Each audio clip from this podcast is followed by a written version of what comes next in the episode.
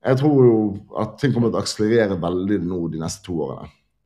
At vi nå står på randen av en voldsom akselerasjon, og jeg tror innen 2027 så kommer verden til å se veldig annerledes ut enn det den gjør nå.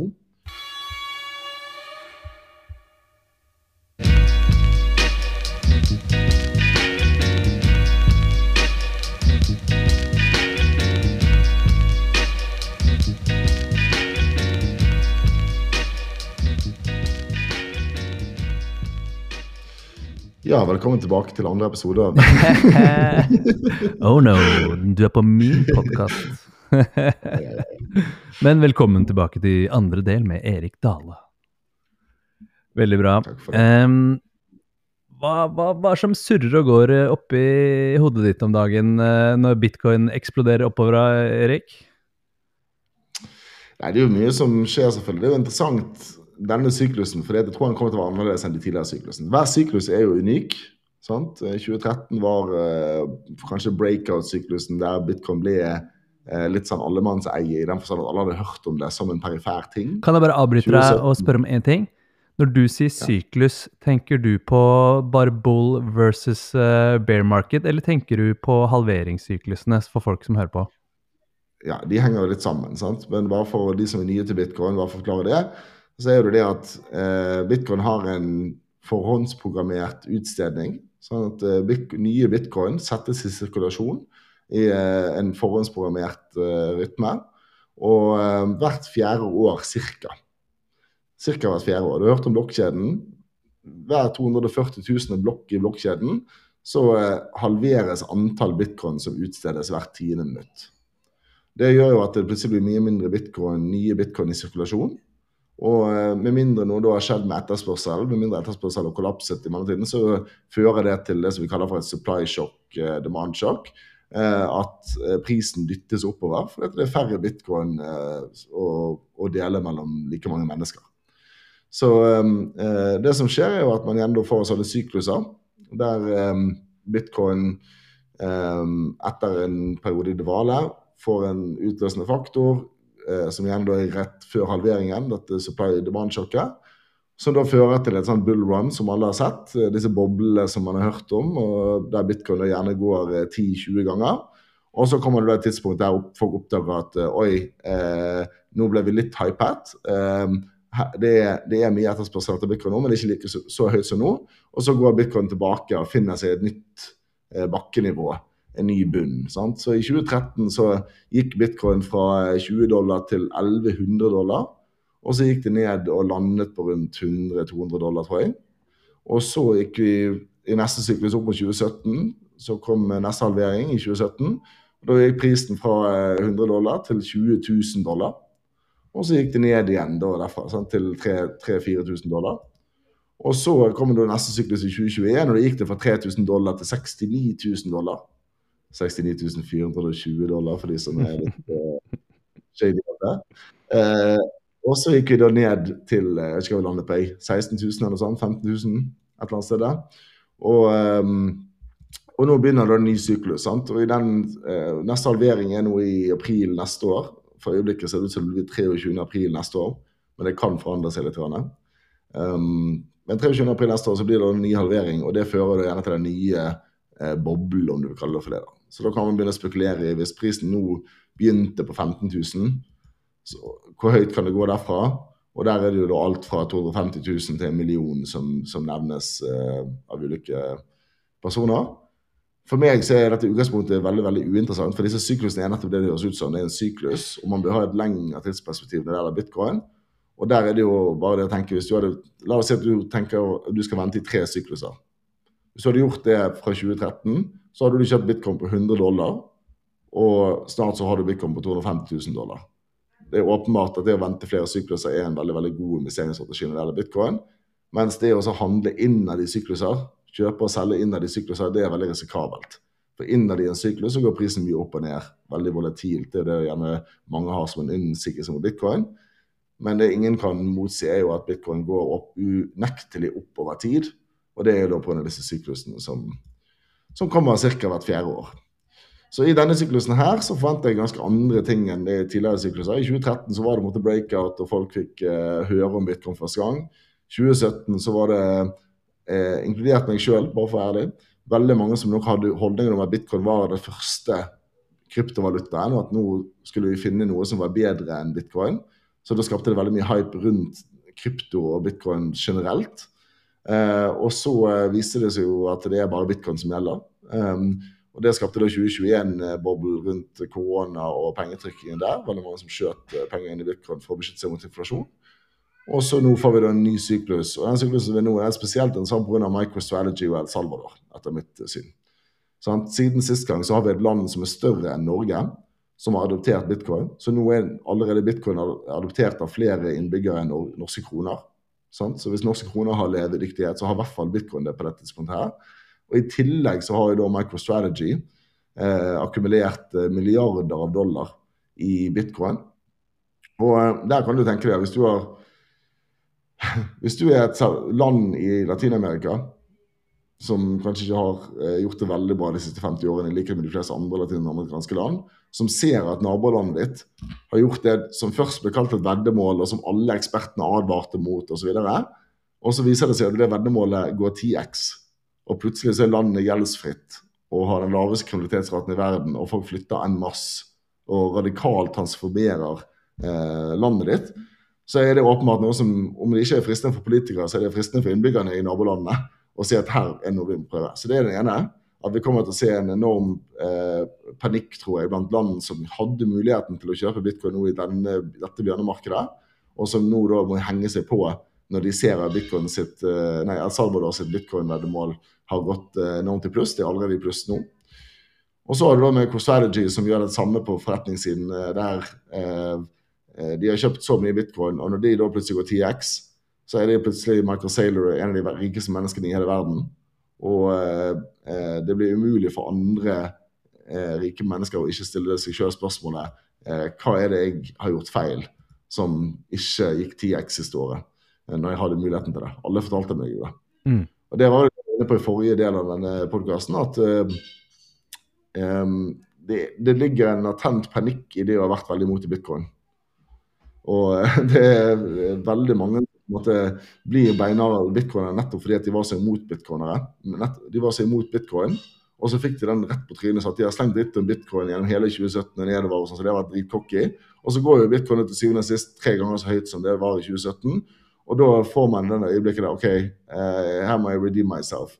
Så um, ja, jeg tror det blir effekter både på, land, på nasjonalt nivå, liksom nasjoner som følger etter Salvador, og eh store fond videre som følger etter MicroStrategy.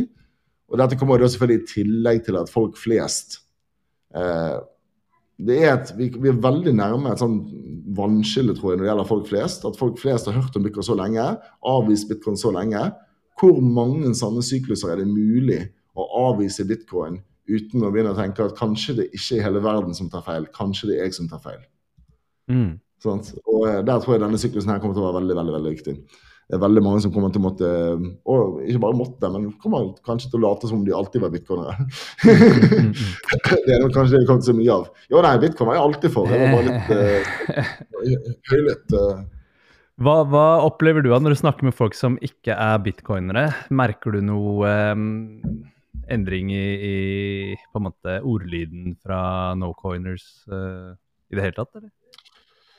Ja, en ting som jeg syns er litt artig, hva som er observert gjennom hele dette bjørnemarkedet, er jo um, hva bunnlinjen i bitcoin er. Sånn når alt er dødt og all oppmerksomhet er vekke og bitcoin er på 15 000 og sånn når jeg går på, Dette er sanne historier. Når jeg går på U-banen i Berlin, så skjer det veldig ofte at folk går rundt og spør om småmynter sant? på, på, på U-banen. Og veldig mange av de sier og Det er blitt en sånn catchphrase. Jeg sier liksom eh, 'Klein geld oder bitcoin'. Klein geld oder bitcoin. Har du noen småpenger eller litt bitcoin? Mm. Um, og uh, jeg hadde hørt dette mange ganger, men jeg har aldri, men jeg aldri brydd meg om det. egentlig. Jeg trodde det var noe vi sa, men, men denne kvelden så var jeg litt uh, tipsy, så jeg sier liksom ja, bitcoin, kom her. sant? Jeg finner opp Lightning Wallet og sånn som det. Og så sier han på meg og så bare Er du seriøs? Nei, det sier vi bare for å få oppmerksomhet. Mm. Så det var en sånn, interessant greie at der er det altså bitcoin er tilstrekkelig til stede i alle sin bevissthet til til og med hjelmløse på U-banen bruker bitcoin som et begrep og som et lingvistisk verktøy og sånn som det er i det de forsøker å oppnå, selv om de ikke ennå eier bitcoin eller har muligheten til å motta bitcoin. sånn som det. Så I dette tilfellet så lærte jeg selvfølgelig vedkommende å, å motta bitcoin. De fikk lastet ned Phoenix Wallet og fikk sendt litt sats.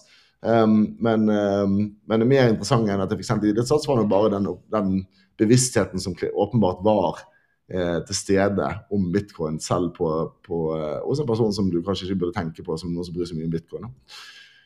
Og Det samme ser jeg veldig mange andre steder. Altså Jeg har eh, gjennom bjørnemarkedet betalt eh, for bitcoin på, hos frisører og uh, det som er. Og det er jo noe som jeg ikke tror ville skjedd i denne perioden 2017 til 2021. 2017 til 2021 så var det folk flest tenkte på bitcoin som var ferdig. Det var 2017 som var liksom det store greia, og nå er det over. 2021, det er veldig mange som nå opplever at nei, det er bare en liten pause. Når kommer neste sant? Eh, de stiller ikke lenger spørsmålet når går bitcoin til null. De stiller spørsmålet når er neste gang bitcoin går til 100 000. de vet. Mm. Hvordan er det mm, Hvis du skal på en måte se forskjellene fra Tyskland og Berlin kontra um, Norge, Bergen, Oslo er det, er det, noen politisk andre holdninger til bitcoin, hvis du sammenligner ja, Norge og det, Tyskland? Det er noe mye å si. Politisk vet jeg ikke. Det er kanskje noe av det minst relevante, egentlig. Selv om jeg klarer mye om tred eller sånn tidligere i episoden, så er det likevel noe av det minst relevante. Det som skjer, er jo at kulturelt så har folk i Norge veldig mye høy tillit til myndighetene og pengesystemet sånn fra, fra, historisk. Og så er vi et land som har klart seg bra på å være perifere det å være nøytrale og litt usynlige oppe i nord er på en måte liksom hele overlevelsesstrategien vår. Tyskland har aldri hatt den luksusen. sånn at uh, folk her har en mye mer sånn direkte holdning til hva som skjer. What's the next thing? Hvordan skal vi forholde oss til fremtiden? Og, uh, de har ikke noe oljefond til å beile seg ut av. Sånn. Og så har de en historie selvfølgelig med kommunisme og nazisme, spesielt her i Berlin, som er veldig til stede og som gjør at folk er veldig anti-autoritære, veldig skeptiske til overvåkning, veldig skeptiske til uh, å fjerne kontanter. Sånn til Berlin er jo veldig mange som kommer til Berlin som klager over at uh, dette er noe av det morsomste jeg, jeg ser. Nordmenn som kommer til Berlin og så sier oh, Berlin er så jævlig tilbakestående, de tar jo faen ikke kort engang i, i baren. og det, det, de ikke skjønner, er jo at alle barene her kunne jo tatt kort når som helst. Men de har tenkt et stykke lenger enn de idiotene som er på besøk, og innsett at det å begynne å betale med kort og lagre digitale spor av alle betalinger og transaksjoner er en jævlig dum idé. Så det å være litt sånn tilbakestående fra nord og arrogant er, er noe av det jeg ler mest av. det gjelder folk som kommer til Berlin og opplever den forskjellen der. Da. Så jeg tror det er veldig mye forutsetninger for at Berlin lykkes her. Vi har jo også et enormt sterkt bitcoin-miljø, både i Norge og i Berlin. Bitcoin i Berlin er nok veldig teknisk orientert. Veldig mye berømte utviklere som bor her. Og uh, du møter Bitcoin-miljøet her, så er det veldig dev-orientert. Sånn at det er folk som jobber på Bitcoin Core, og som har skrevet Lightning Paper og sånn som det.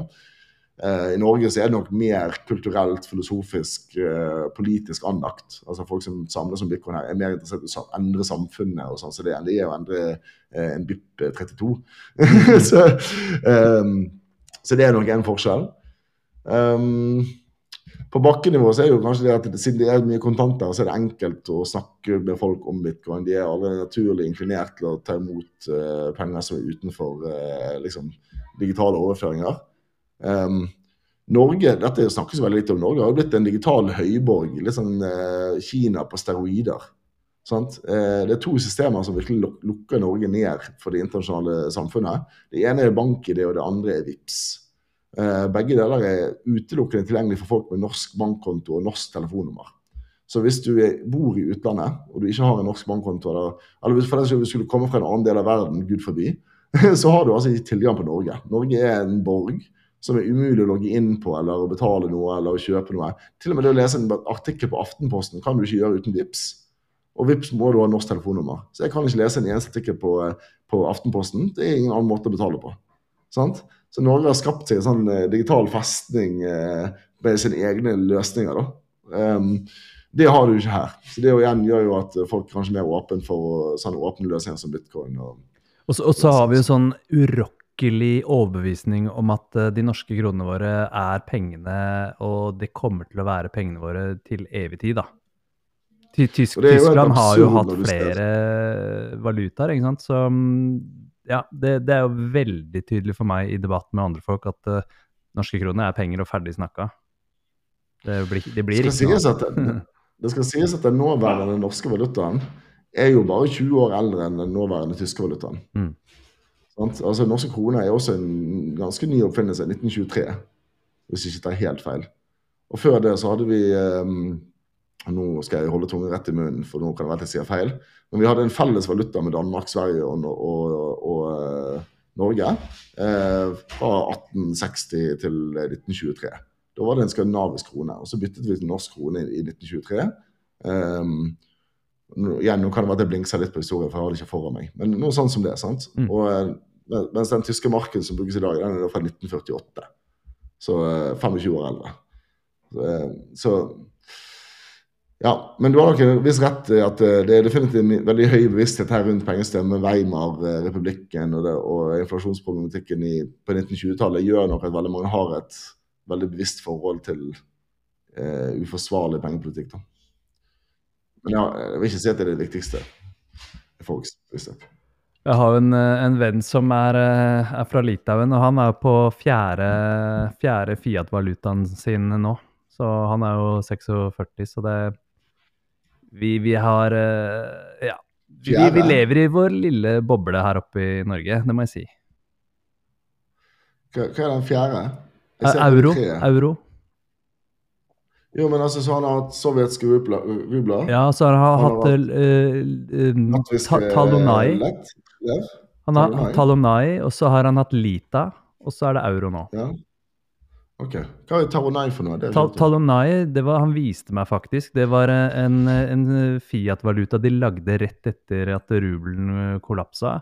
Som en liten sånn Den varte ikke mer enn Jeg tror det var et halvt års tid, ja. Men han, han, viste meg det. Det var sedler med bjørnemotiver, eller dyremotiver, da. Talonai, det kan du søke på, så finner du bilder av det. Han, han viste meg det. Så um, en, en liten periode der, så, så, var det unntakstilstand Fiat, kan du si.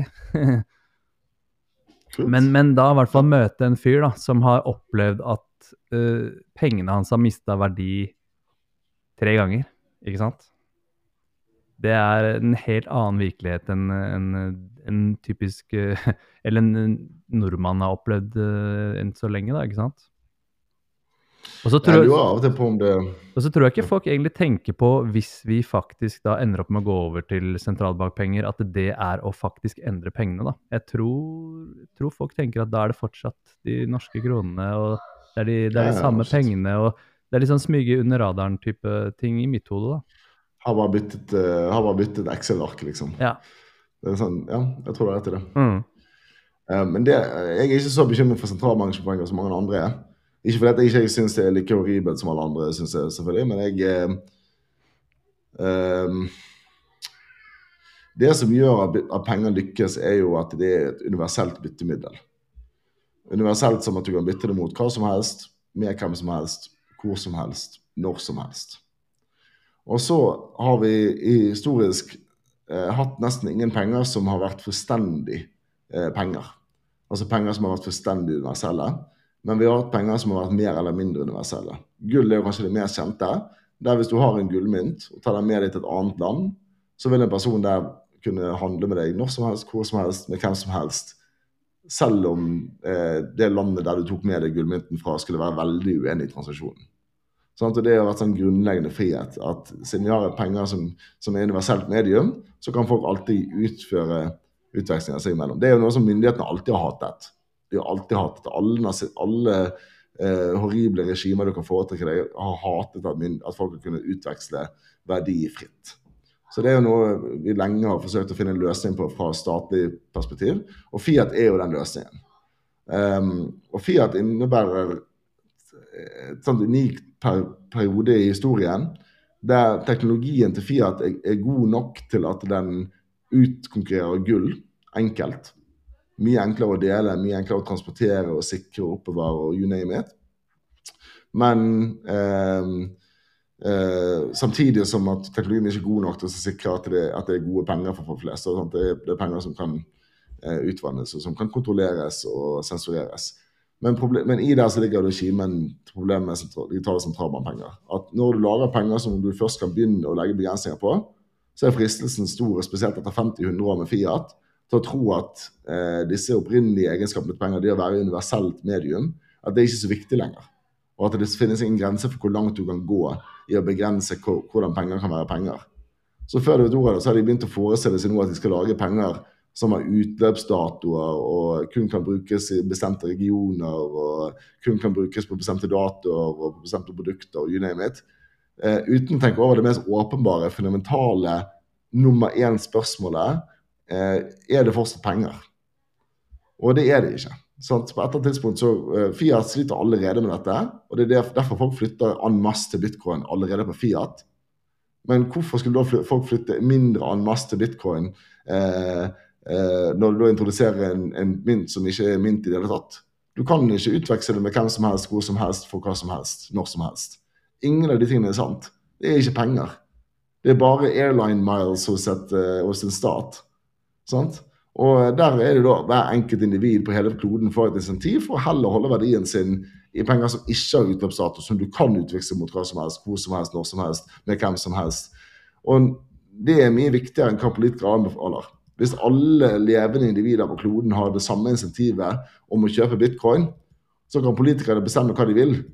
For insentivene er så sterke at uh, den makten blir fratatt uansett. Så jeg er ikke så veldig bekymret for, for, for uh, digitale sentralbanker sånn egentlig. Jeg tror du kommer til å få land som forsøker å tvinge det gjennom. sånn som Jeg tror Norge kommer til å være et land som eksperimenterer og forsøker med det. Jeg tror det kommer til å ende med katastrofe og med bitcoin sin suverene seier. Jeg tror det kommer til å være liksom, De tror de skrur det på, og så kommer det til å ta bokstavelig talt uker før hele systemet kollapser. Det er min Nostradamus. Ja, jeg, er helt, jeg er helt enig. Jeg bare er så lei at vi liksom gang på gang må De må liksom prøve den idiotiske måten, da. Du må liksom tråkke ut i salaten for at Nei, det var ikke så lurt. Hvorfor kunne vi ikke bare gå for ja, bitcoin med en gang? kunne vi ikke sant? det? Hvorfor må vi ta denne kostnaden? Hvorfor må vi skade så mange mennesker? Ja. Hvorfor må vi tape så mye verdier ja. bare for at en eller annen arrogant politiker som nekter å lese eh, seg opp på bitcoin, mm. eh, skal få eh, kilet den behovet for å prøve og se om man kan finne en eller annen måte. Drit ja. å dra, altså. Ja, det, jeg, jeg, blir jævlig oppgitt av sånne, en sånn filosofi, altså. Så mm, der har du meg.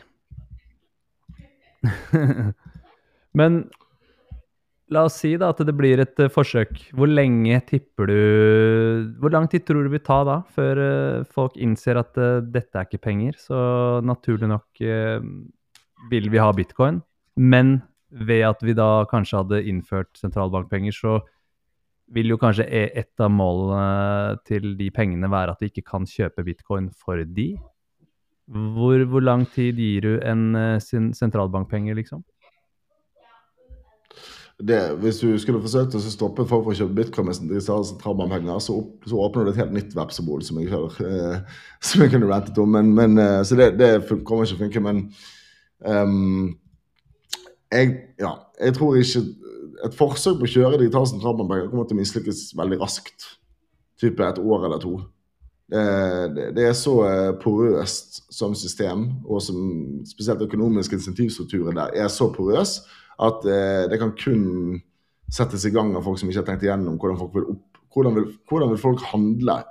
Opp, eh, hvordan vil folk eh, eh oppføre seg i et sånt system. det, jeg gir det veldig kort levetid. Jeg tror jo at ting kommer til å akselerere veldig nå de neste to årene. At vi nå står på randen av en voldsom akselerasjon. Og jeg tror innen 2027 så kommer verden til å se veldig annerledes ut enn det den gjør nå. Um, en av de tingene som kommer til å skje, er jo at veldig mange land kommer til å oppleve presset nedenfra. At stadig flere innbyggere bare driter i å betale skatt. Stadig flere innbyggere driter i å rapportere. Stadig flere innbyggere bare driter i staten.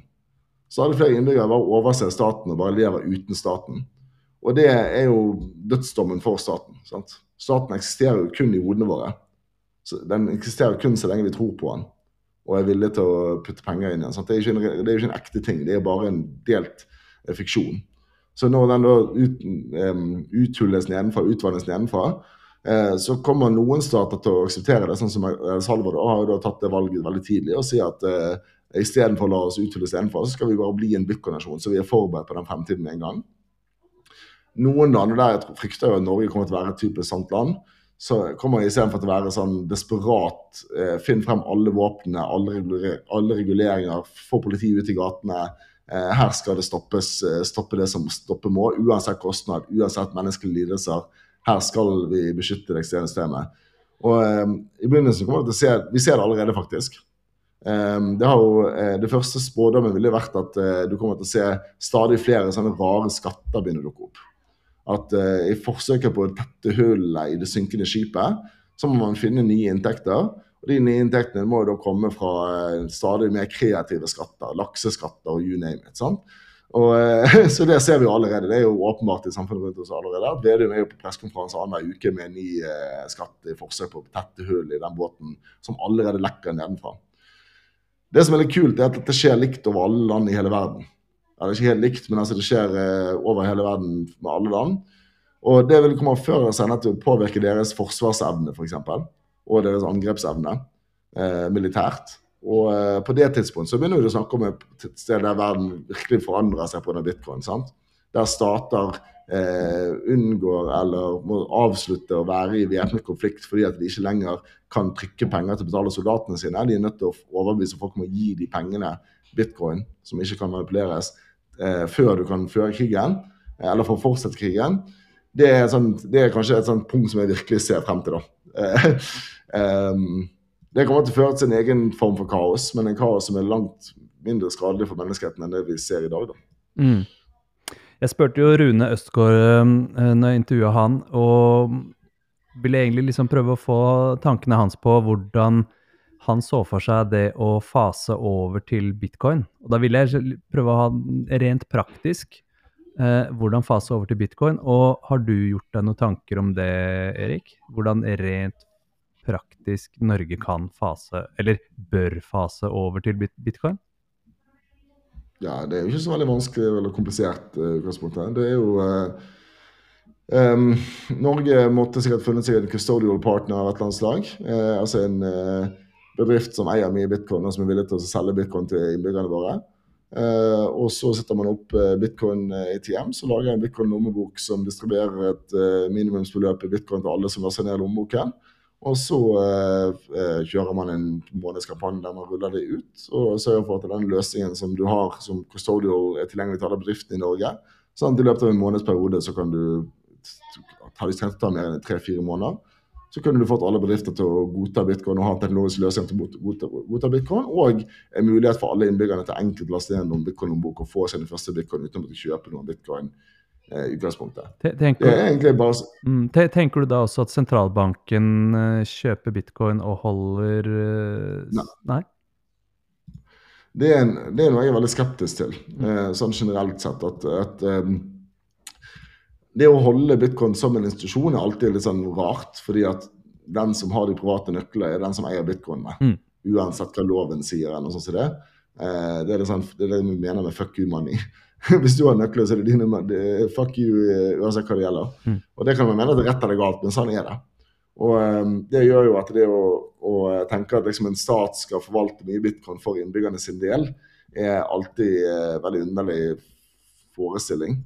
Um, med mindre de bitcoin er der for å kunne brukes på ting. Da. Så hvis folk har betalt inn bitcoin til et felles pool som alle kan se, så kan man, og at, de, det, at det skal brukes på velferd eller politi eller det som måtte være, det er jo liksom den måten det kan gjøres på. da. Men jeg ser ikke for meg at, Norges Bank kommer til å akkumulere mye bitcoin. Det burde de gjort, selvfølgelig. Altså Hvis det var Norges Bank, så måtte jeg å akkumulere bitcoin. Det håper jeg ikke de kommer til å gjøre, for det kommer til å sikre Norges Banks posisjon og makt i fremtiden. Og det er jo noe jeg ikke ønsker at de skal gjøre. Jeg ønsker å bli kvitte med Norges Bank, og da er det veldig viktig at de ikke kjøper bitcoin. Hvis Norges Bank begynner å kjøpe bitcoin i, morgen og følger El Salvador, så risikerer vi at Norges Bank kommer til å være her i veldig mange tiår fremover. Um, og det um, kan forsinke vår evne til å gå over til bitcoin på en mer produktiv måte. Mm.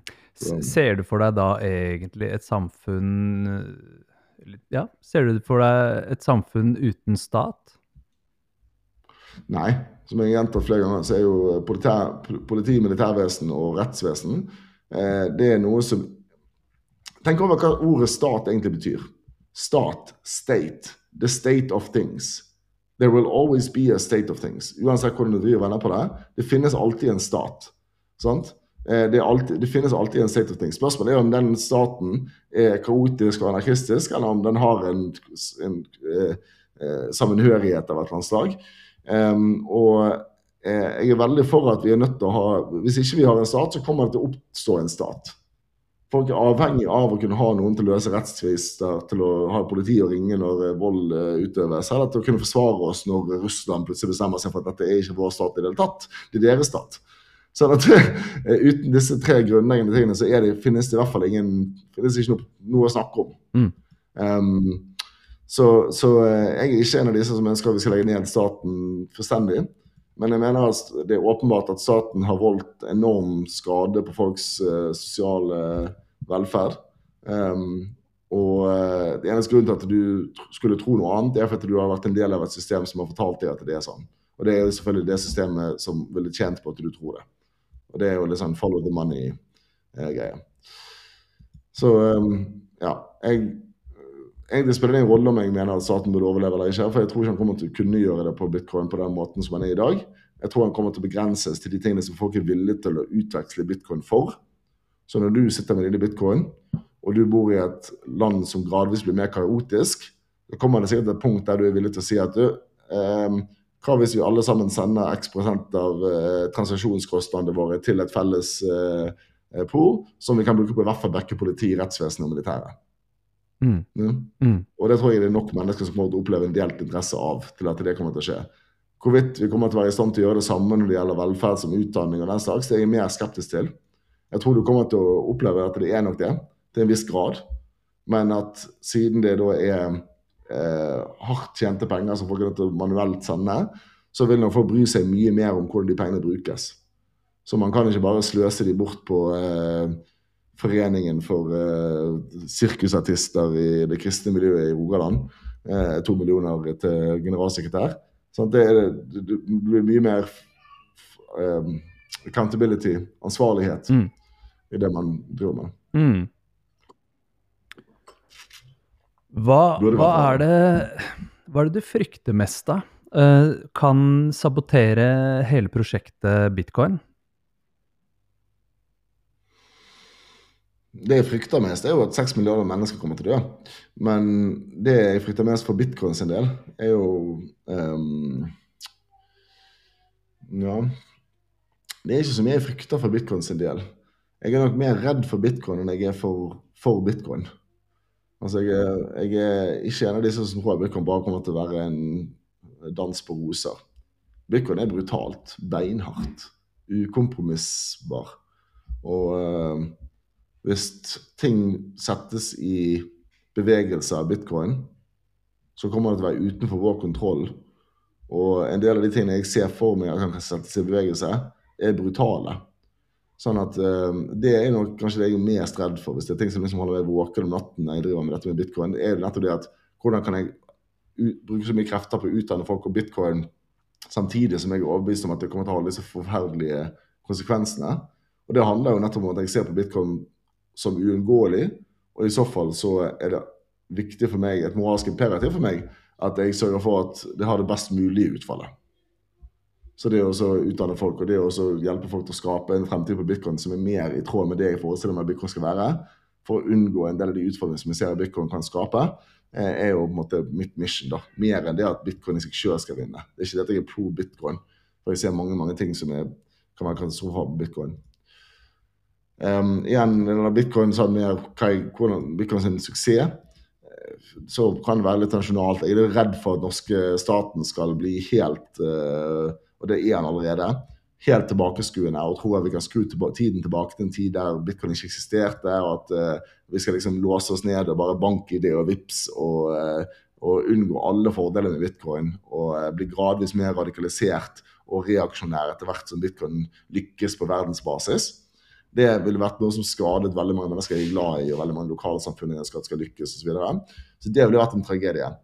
Um, men bitcoin sånn på, på global basis er jeg ikke bekymret for det i hele tatt. Det finnes ingen makt i verden som kan stanse bitcoin på verdensbasis på dette tidspunktet. her. Mm. Og de maktene som, om de skulle alle sammen koordinert på et eller annet vis, eh, de hater hverandre. Så, så det er litt sånn Altså, hva, hva er ideen her? At Kina, Russland og USA skal, skal, skal sitte seg ned? Og selv om de skulle gjort det, så er det fremdeles veldig usannsynlig at de hadde lykkes.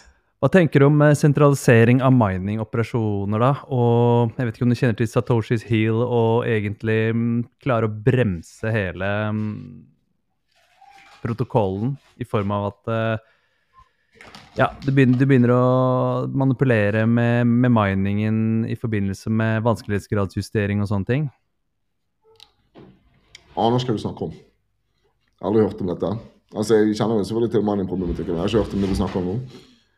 Og eh, jeg var heller ikke Det er veldig interessant. Kan- Eh, Du har en kar som heter Bob Burnett, som um, jeg har i mange år jobba med å utvikle um, eh, datakomponenter. Mm. Dette er vel en episode fra The Bitcoin Matrix, Bob Burnett, og, og episoden heter Satoshis Heal.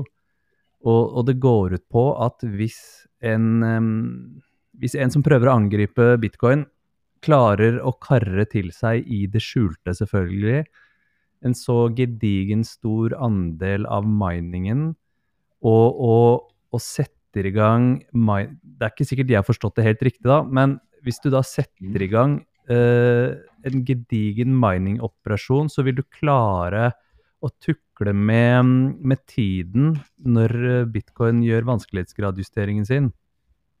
Okay. Det betyr at um, um, for det går så, så og så mange blokker imellom ikke sant, før uh, man justerer vanskelighetsgraden. Og Ja, men hvorfor skulle du gjøre det? hvorfor?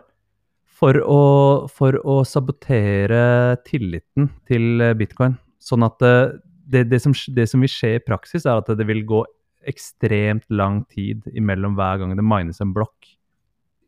Um, men jeg anbefaler folk å Mm. sjekke ut den Satoshis Heal, for der forklarer Bob uh, Det er veldig teknisk, men det er veldig interessant også hvordan du da Så ideen her er at ved å pushe opp hashraten rett før en vanskelighetsgradsjustering, så får man så høy vanskelighetsgrad at fremtidige blokker mm, finnes Sånn at uh, uh, tregere. han, han kaller det for uh, Men dette er jo da man, må gjenta hver eneste to uker for å få problemer. Det blir veldig kostbart. Og hvorfor og for, for ja, ja, selvfølgelig. Han, Med litt sånn perifer, med litt sånn perifer drøm om at kanskje det kan utfordre tilliten til bitcoin-nettverket hvis transaksjoner på on-chain tar tre ganger lenger. Og det er noe man må gjenta annenhver uke til en enorm kostnad i energi og nei, det, det var ikke så gærent. Det var ganske effektivt angrep, bortsett fra at du måtte gjøre det i det skjulte, og du måtte ha så store operasjoner, og du måtte sabotere eksisterende mining-operasjoner. Men, men det er ganske mange sånn eh, visst, da. Veldig, veldig. Men poenget hans da var jo at det, er så utrolig viktig å desentralisere mining-operasjonene og, og skille på store, mellomstore og små da, operasjoner, og at mange bør drive bitcoin-mining egentlig på en måte fordi de har lyst til å bare backe prosjektet bitcoin, ikke fordi at det vil gi dem noe særlig gevinst i sats på det, liksom, men støtte hele prosjektet og, og, og sånt. Men og, og det er lite sannsynlig at det er mulig å gjennomføre et sånt angrep, men det er i hvert fall genialt at folk er på ballen og, og tenker på det og rundt det. da. Hvor er det vi kan ødelegge? Fordi i praksis da så ville du ha der Hæ? Men det problemet der, det tror jeg kommer til å løses på en annen måte enn ved aktivisme. Altså Det oppfordrer folk til at du burde mine fordi at det beskytter nettverket. Jeg er jo selvfølgelig enig, men det er ikke noen eh, økonomisk eh, suksessrik måte å organisere dette på. Det som derimot er sant, er at med ting som heat miners, der du kan sitte, et, eh, sitte um, um, en CPU inni et, et varmeapparat. Ja. Eh, og det kan du gjøre enten det er hjemme eller eh, på en skole eller eh, aircondition i Florida eller you name it. Så kan du desentralisere mye av den datakraften fordi at folk begynner å kjøpe apparater som gir de tilbake pengene på sin strømregning. Og at det, hvis det tar av, så kommer vi til å se da selvfølgelig at bitcoin-mining skjer på en mikroskala, på en så stor bred skala, at det er umulig å sentralisere minings... Uh, Og, jeg, og jeg, jeg, er mener, liksom- jeg er helt enig med Bob Burnett der, at det er dritviktig å faktisk uh, tenke på det. da. At uh, du, ja, skal du varme opp et rom, så for all del, kjør bitcoin mining eh, gjennom en eh, varmeovn som bare skal varme rommet. Bruke strøm og varme Mm. ro rommet, så er du med å opprettholde sikkerheten. Fordi det han sier, er jo at eh, vi, er, vi er avhengig av at eh, 30% av miningen er det vi kaller kaniner, da, eller rabbits, som er um, lette å sette opp, og vanskelig å stoppe. Og, og som hele tiden bare flytter rundt på seg. ikke sant? Så, så 30% er viktig, da. Så mm, ja. Men folk er interessert i å prøve å ta livet av bitcoin, da. Eller bitcoinere prøver å finne måter hvordan dette her skal mis mislykkes, og det er jo dritviktig, da. Hva er, det, hva er det du ser for deg er eh, positivt som eh, gleder deg eh, de to kommende årene? La oss runde av her litt nå, men litt sånn ja, hva, hva, skjer? Hva er spennende i spacet? Hva har du lyst til å Er det noe spesielt du tenker på som du har lyst til å ja, løfte frem? Jeg kunne jo gått teknisk eller alle på bitcoin, eller sånt som dette, men her har jeg bare lyst til å være veldig veldig basic. At eh, Bitcoin sine har nok vært veldig dominert av amerikanere de siste ti årene. Mye amerikanske podkaster, mye amerikanske konferanser. Den største bitcoin-konferansen liksom etablert seg i sørstaten i USA. Og det er i fjor at vi virkelig så veksten av europeiske konferanser og podkaster og miljøer på en skala som vi ikke har sett før. Og Det er noe som har skjedd gjennom bjørnemarkedet. Så dette ligger da veldig latent, veldig sterkt organisert på tvers av hele kontinentet vårt nå. Og når dette eh, bullmarkedet begynner, så tror jeg vi kommer til å se en enorm oppvåkning på tvers av vårt kontinent. En enorm ny form for entusiasme. Og med det så tror jeg vi kommer til å få nye narrativer. Altså i, For oss europeere, kanskje jeg bare snakker for meg sjøl, men jeg tror for oss europeere så er kultur, eh, religion, språk, eh, tilhørighet, identitet mange sånne spørsmål som dette som er mye mer interessant for oss enn det direkte pengespørsmålet til, til alle tidspunkt. Eh, så når amerikanere samler seg rundt podkaster som What is money, eh, så bare venter jeg på at vi liksom eh, europeere skal ha en epistemologisk podkast om bitcoin. sant? Så, og Det tror jeg vi kommer til å se veldig mye av. Jeg gleder meg veldig til å se hva som skjer med Bit, Beats i Prague, med Baltic Honey Badger, selvfølgelig med min egen konferanse Northern Lightning, og veldig mye annet som skjer her de lokale miljøene i Europa de vokser seg nå rundt, rundt språk, ulike språk-communities. Det som er kult, er at vi begynner å se Dette, dette høres rart for nordmenn, kanskje, men vi begynner å se fremveksten av den første pangermanske bitcoin-miljøet. Eh, og eh, Hva er det? det er litt interessant. for jeg eh, det er jo det at de germanske språkene, altså tysk, tysk nederlandsk, islandsk, norsk, dansk og, og svensk, at der har du blitt som begynner å bli stadig mer koblet.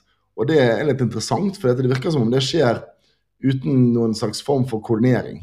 Det er bare en slags relatering som foregår. At gjennom bitcoin og kanskje gjennom det språket som foregår, så har man oppdaget sitt eget nærmiljø på en måte som kanskje Kanskje det har noe med at altså, I utgangspunktet er det jo åpenbart at selvfølgelig Norge har mye koblet til Tyskland. Vi er en, vi er en liten bakgård av Tyskland i utgangspunktet språket vårt og kulturen vår, alt er en blåkopi av Tyskland på en liten skala. sant? Men dette er jo noe som pga. andre verdenskrig og vår historie med Tyskland, så har Tyskland blitt litt sånn lukket av.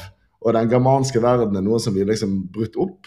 Um, men det er jo noe som, som jeg tror uh, kommer veldig tilbake.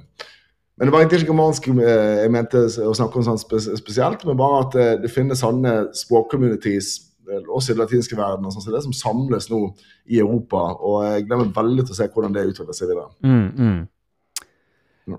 Veldig hyggelig at du gjesta podkasten min, Erik, og veldig spennende å høre på tankene dine rundt bitcoin og økonomi. Um, hvor kan folk finne deg og følge innholdet ditt? Jeg setter veldig pris på hvis folk eh, ser på bitcoin til frokost. Eh, bitcoin for breakfast det er et engelsk uh, program som vi kjører eh, typisk sånn tre ganger i uken. Og eh, det annonseres på eh, YouTube, på Twitter og etter hvert på Spotify og sånt også. Så det beste er å følge meg på Eurodale. Søker du etter Eurodale eller etter kongeriket bitcoin, så vil du nok finne både programmet og meg på de aller fleste plattformer. Uansett hvor du foretrekker å, å få med deg ting. Mm. Og Hvis du lurer på noe, så er det bare å, å sende meg en melding. Um, jeg har veldig lyst til å hjelpe folk med å komme i gang så fort som mulig. Veldig bra. Følg Erik, uh, folkens. Da vil jeg bare si tusen takk for at jeg fikk lov å stjele av tiden din, Erik, og ha en riktig fin uh, kveld. Tusen takk for det, Andreas. Veldig hyggelig å bli invitert. Ønsker deg en fantastisk kveld også. Yes. Vi snakkes. Ha det. Hei da.